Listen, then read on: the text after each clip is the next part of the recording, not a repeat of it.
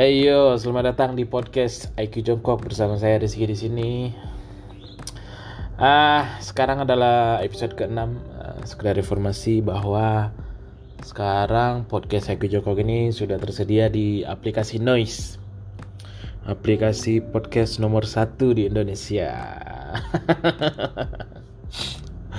Jadi selain di Anchor, Spotify, sekarang podcast IQ Jongkok juga udah bisa didengerin di Noise jadi buat pendengar di Noise selamat datang di podcast ini. Ini bukan podcast yang proper, ini adalah hanya podcast sampah. Sesuai dengan judulnya, ini adalah podcast IQ Jongkok. Yang podcasternya adalah orang yang ber-IQ Jongkok seperti saya. Gak tahu ini podcast IQ Jongkok uh, sudah bisa publish di NAS ini adalah achievement atau enggak? Uh, soalnya gini ternyata enggak uh, apa namanya? Ternyata enggak segampang ini. Kalau Spotify kan cuman apa nggak perlu submit apa-apa gitu. Kalau untuk noise ini harus uh, kirim file podcast dulu gitu ke email. Emailnya orang noise terus kirimin filenya juga. File podcast yang pernah dibikin itu seperti apa terus uh, kalau mereka approve barulah podcast bisa tayang di noise gitu. Tapi nggak tahu apa mereka bakalan approve semua email yang masuk atau enggak atau mereka seleksi. Saya juga nggak tahu. Yang penting saya sekarang senang karena podcast Aki Nyokok ini sekarang sudah tersedia di aplikasi Noise. Uh, kita bakalan ngebahas berita yang lagi viral belakangan ini. Yang pertama itu Thailand. Ada apa dengan Thailand? Ya sekarang selain Thailand katanya udah bebas ini, bebas swab gitu, bebas karantina untuk uh, turis-turis mancanegara yang datang ke Thailand itu sekarang nggak perlu swab nggak perlu dikarantina langsung capcus langsung bisa staycation di Thailand. Uh, Thailand juga uh, belakangan ada berita itu pemerintah Thailand akan bagikan satu juta tanaman ganja gratis ke warga untuk ditanam. Congrats untuk Thailand. Thailand ini sebenarnya negara apa sih? Kayaknya mereka itu kan ada raja ya. Monarki ya apa gitu nggak? Saya nggak ngerti. Apa? Kayaknya sih mereka itu ada raja. Tapi kok raja bisa se progresif ini ya pergerakan negara mereka gitu? Maksudnya ini ini pencapaian sebetulnya ini. Melegalkan ganja ini adalah sebuah pencapaian bagi pemerintah Thailand. Ini bukti bahwa pemerintah Thailand itu nggak feodal gitu nggak walaupun mereka punya raja tapi pemerintahnya masih berakal sehat gitu. Maksudnya nggak nggak terkungkung dengan pemikiran uh, yang diwariskan secara turun temurun dari raja gitu. Ini bukti kalau pemerintah Thailand itu nggak main-main gitu. Kayaknya saya ngerasa Indonesia itu semakin tertinggal ya dengan Thailand padahal Thailand itu cuma seuprit gitu. Kita yang kaya akan budaya kaya akan sumber daya alam masih gini-gini aja. Padahal di Aceh itu kan sebenarnya uh, ganja itu bagian dari budaya ya kan? Memang budaya kuliner atau apa gitu budaya pengobatan di sana juga dari zaman dulu mereka sudah pakai ganja gitu. Malah kita cegat gitu sekarang peluang untuk mendapatkan uh, pundi-pundi uang dari ganja itu sudah terlihat di mata pemerintah Thailand gitu. Pasti pemerintah Thailand ini menginginkan uh, berharap uh, pendapatan negara mereka bertambah karena bertambahnya industri industri ganja gitu. Karena dengar-dengar kabar uh, ganja ini sendiri bukan berarti apa ya bukan berarti diperbolehkan untuk umum mm, untuk dipakai bebas gitu. Tapi ada regulasinya bahwa uh, tanaman ganja ini juga nggak semua tanaman ganja hanya tanaman ganja tertentu gitu. Dan hanya boleh diperuntukkan uh, untuk uh, kebutuhan medis gitu. Itu pun nggak boleh dijual sembarangan gitu tanpa izin dari pemerintah. Pokoknya dikontrol ketat lah gitu sama pemerintah Thailand. Saya sih nggak sebenarnya sih Aceh itu kayaknya kalau dari dulu di apa ya apa namanya diberikan uh, privilege untuk bisa untuk wilayah Aceh itu untuk bisa mempergunakan ganja sebagaimana mestinya sebagaimana budaya mereka gitu kan. Ya kayak semacam Aceh itu diberi uh, ditetapkan sebagai wilayah khusus yang boleh mengelola ganja gitu dengan regulasi dari pemerintah. Saya rasa itu Aceh juga bakalan ini bakalan bisa menjadi sumber pendapatan bagi negara gitu karena kalau ganja itu kan sebenarnya semua orang di dunia juga udah tahu gitu kan bahwa banyak manfaat uh, medis yang bisa didapatkan dari ganja gitu kan. Jadi kalau Aceh bisa membudidayakan ganja uh, lalu dimanfaatkan untuk uh, pengobatan, mungkin Aceh itu bisa jadi kayak uh, Melakanya Indonesia gitu. Mungkin orang-orang itu berobat akan datang ke Aceh karena cuma di Aceh yang dilegalkan ganja gitu kan. Terus mereka kan bawa uang ke Aceh. Aceh dapat pemasukan dapat pajak segala macam gitu kan. Jadi Aceh itu sebetulnya berpotensi berpotensi sebenarnya untuk uh, entahlah nggak nggak ngerti saya. Entah pemerintah kita yang pura-pura bodoh atau memang kita dibodoh-bodohin sama uh, asing gitu. Maksudnya sama mungkin sama Amerika ya. Karena kan um, mereka yang menetapkan ganja ini adalah ini apa namanya PBB atau apa gitu. Mereka yang menetapkan uh, ganja ini adalah um, tumbuhan yang berbahaya gitu tumbuhan ilegal lah gitu mereka yang bikin peraturan padahal kan ini kan bisa jadi sumber pendapatan bagi kita sebagai warga negara Indonesia. Lagian kalau ganja sudah masuk di kultur Aceh, otomatis kan orang Aceh itu punya keterampilan dari turun temurun untuk mengelola ganja, untuk mengolah ganja gitu. Entah jadi masakan, entah jadi uh, alat pengobatan. Harusnya ini bisa dimanfaatkan sama pemerintah Indonesia. Tapi ya sayang sekali pemerintah kita tidak sepintar itu. Atau pura-pura bodoh atau jangan-jangan uh, ganja itu nggak bisa legal di Indonesia karena oligarki di Indonesia itu mungkin punya bisnis rokok gitu. Jadi kalau ganja legal otomatis kan ngerokok tembakau maksudnya rokok tembakau kan akan pelan-pelan hilang. Orang akan ngerokok ganja gitu. Jadi mungkin uh,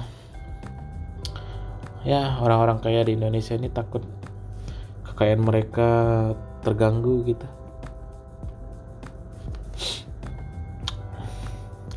Coba kita lihat berita Kompas ya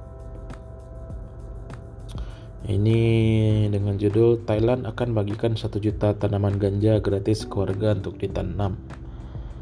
Bangkok, pemerintah Thailand akan membagikan apa ini? Akan membagikan satu juta tanaman ganja gratis ke rumah tangga di seluruh negara Juni 2022. Untuk menandanai aturan baru yang mengizinkan warga menanam ganja di rumah, kata Menteri Kesehatan Anutin Chan Virakul.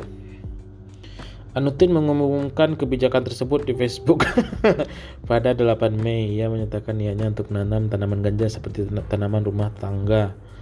Aturan baru yang mulai berlaku pada 9 Juni ini akan mengizinkan warga menanam tanaman ganja di rumah setelah memberi, memberitahu pemerintah daerah. Akan tetapi tanaman ganja itu harus memiliki tingkat medis dan digunakan secara eksklusif untuk tujuan pengobatan. Selain itu, ganja tidak boleh digunakan untuk komersial tanpa izin lebih lanjut. Mantap. Kebijakan ini merupakan langkah terbaru dalam rencana Thailand untuk menerapkan ganja sebagai tanaman komersial. Nah, ini kan Thailand sadar bahwa ganja akan bisa menjadi sumber pendapatan negara. Sekitar seperti sekitar sepertiga dari tenaga kerja negeri Gajah Putih bekerja di bidang pertanian. Oh, sepertiga. Sepertiga dari penduduk Thailand itu bertani. Satu dibagi tiga. Di wilayah yang terkenal dengan hukum keras terhadap obat terlarang, Thailand pada 2018 menjadi negara pertama di Asia yang melegalkan ganja untuk penelitian dan penggunaan medis. Negara kerajaan itu juga melonggarkan undang-undang lokal seputar ganja. Produsen minuman Thailand dan perusahaan komestik tahun lalu bergegas menunjukkan produk dengan rami dan CBD senyawa di ganja tidak memabukkan setelah menggunakan setuju kepada konsumen. Ya, intinya itu deh. Semoga Indonesia cepat menyusul ya. Kasih aja itu orang Aceh untuk uh, ini Meng mengolah ganja. Jadi legalkan ganja hanya di daerah Aceh. Daerah lain ilegal, oke. Okay. Jadi oligarki tenang, Indonesia pemerintahnya negara juga tetap dapat keuntungan dari ganja gitu yang dari Aceh terus uh, kayaknya juga ada berita heboh yang lain ya di Filipina itu kan Filipina baru ini ya baru menyelenggarakan pemilu. Nah pemilunya itu pemenangnya ini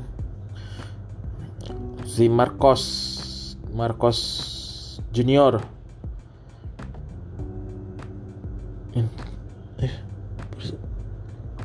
Nah Marcos Junior ini sebenarnya dia itu anak dari diktatornya presiden Filipina. Jadi dulu ada presiden Filipin yang diktator itu kayak Soeharto-nya Indonesia lah gitu. kok bisa menang ya jadi sekarang anaknya yang jadi presiden di Filipina yang lucu uh, ini uh, ternyata untuk wakil presidennya itu si ini anaknya Duterte yang menang jadi wakil presiden. Jadi di Filipina itu kalau nggak salah uh, apa namanya presiden dan wakil presidennya itu bukan satu paket tapi mereka dipilih uh, berbeda gitu jadi yang menjadi wakil presiden itu anaknya si Duterte. Anak atau siapa gitu pokoknya keluarganya lah kita. Sepupu atau anak kayaknya anak Duterte. Si Pacquiao juga kan ikut ini uh, petinju dari ini. Cuman katanya si Pacquiao itu blow on. Jadi di di kampanyenya itu sering bingung mau ngomong apa. AO AO gitu ya kayak ya mirip Presiden Jokowi lah gitu. Kayaknya seru kali ya kalau di mulai dari episode ke 6 ini bakalan ada sesi apa mungkin tanya jawab. Atau apa curhat kayak gitu jadi kalian pendengar podcast Eki Jongkok ini bisa kirim email mungkin.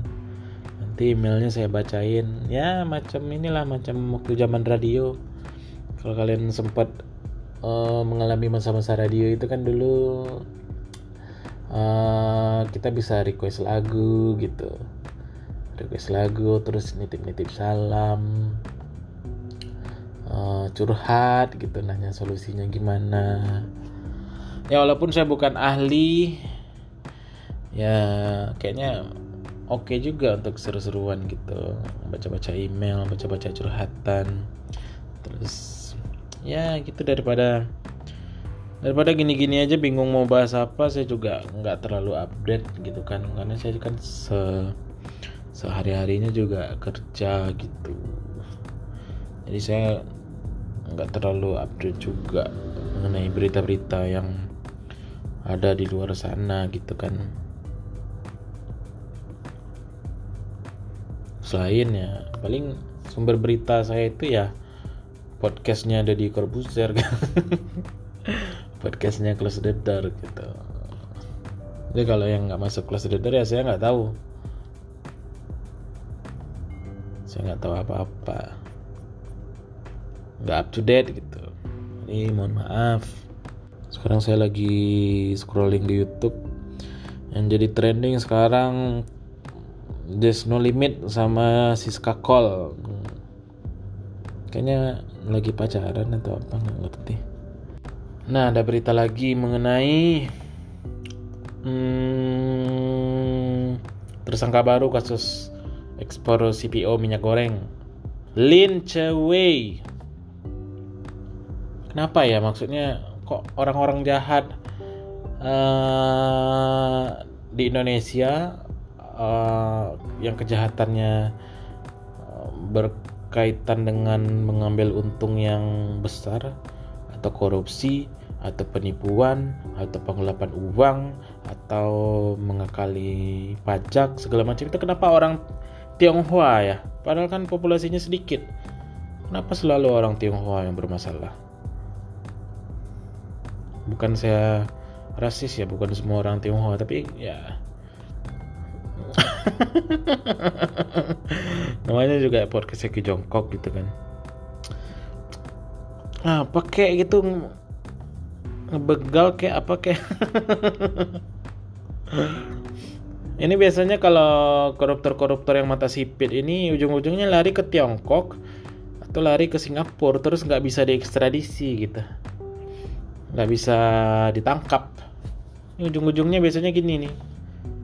Lin Chewei pura-pura palingan nanti ntar pura-pura uh, ditangkap terus uh, nyogok uh, oknum di penjara terus keluar terus kabur ke Singapura kabur ke Tiongkok. Dah hilang. Biasanya sih gitu. Siapa Lin Chewei ini Lin Lin Lin Lin Xiaoliong. Kenapa semua yang Lin kalau nggak Chen? Orang koruptor yang jahat di Indonesia ini. Kalau nggak Lin Chen namanya. Kayak uh, Sudono Salim itu kan nama aslinya Lim Xiaoliong. Edi Tanzil itu namanya Chen. Siapa lagi lama-lama kesel juga. Kalau dirasisin komplain bilang kenapa saya dibeda-bedakan? gitu.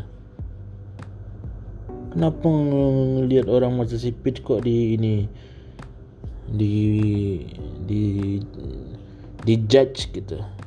Ini buktinya kayak gini. Lagian juga terkenal kok orang dari daerah tertentu itu oh apa namanya tukang tipu titit dari kota salah satu di Sumatera Utara gitu.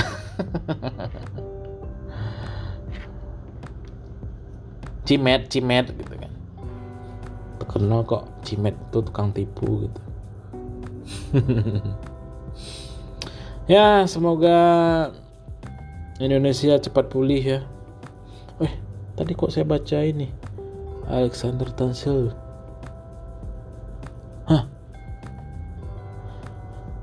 Alexander Tansil diperiksa usai penetapan tersangka Lin Chewei.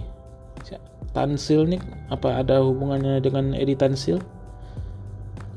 Penyidik bidang tindak pidana kasus kejat Kejagung melakukan pemeriksaan terhadap Alexander Tansil dalam kasus dugaan tindak pidana. Oh, nggak heran sih saya kalau ada nama-nama Tansil ini.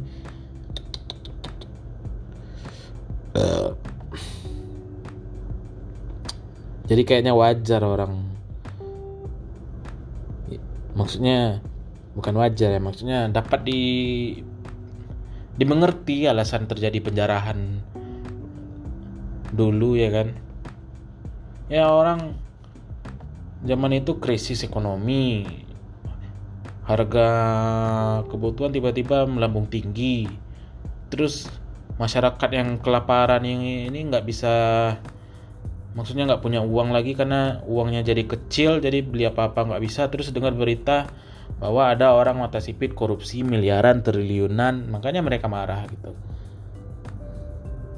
Kan uang yang dikorupsi itu kan harusnya bisa untuk bantu mereka gitu makanya terjadi penjarahan. Ya mungkin kayak gitu ya penjarahan salah. Ya saya tahu. Yang dengar podcast ini saya tahu penjarahan itu salah tidak dapat diterima. Tapi ya alasannya begitu ya mau gimana lagi? Orang kelaparan. Terus ada satu etnis yang tukang korupsi. Yang, yang maling maling miliaran triliunan gitu. Yang mana orang nggak marah? Aturannya kan uang yang ditombokin ke uh, oleh pemerintah ke dana BLBI itu kan bisa untuk bantu masyarakat bisa untuk ngasih bansos gitu jadi uangnya nggak ada. Ya wajar orang marah gitu. Ya begitulah pemirsa podcast. Terima kasih sudah mendengarkan podcast episode terbaru ini. Untuk teman-teman yang dari noise selamat datang. Ya semoga kalian betah. Semoga kalian suka lah kita gitu. Uh, kalau ada kritik dan saran atau ada rekomendasi uh, mengenai uh, arah podcast ini seperti apa, kalian bisa DM Instagram saya ya. Nanti akun Instagram saya akan saya tulis di deskripsi di episode podcastnya. Oke, itu aja dulu. Sampai jumpa di episode podcast berikutnya. Bye bye.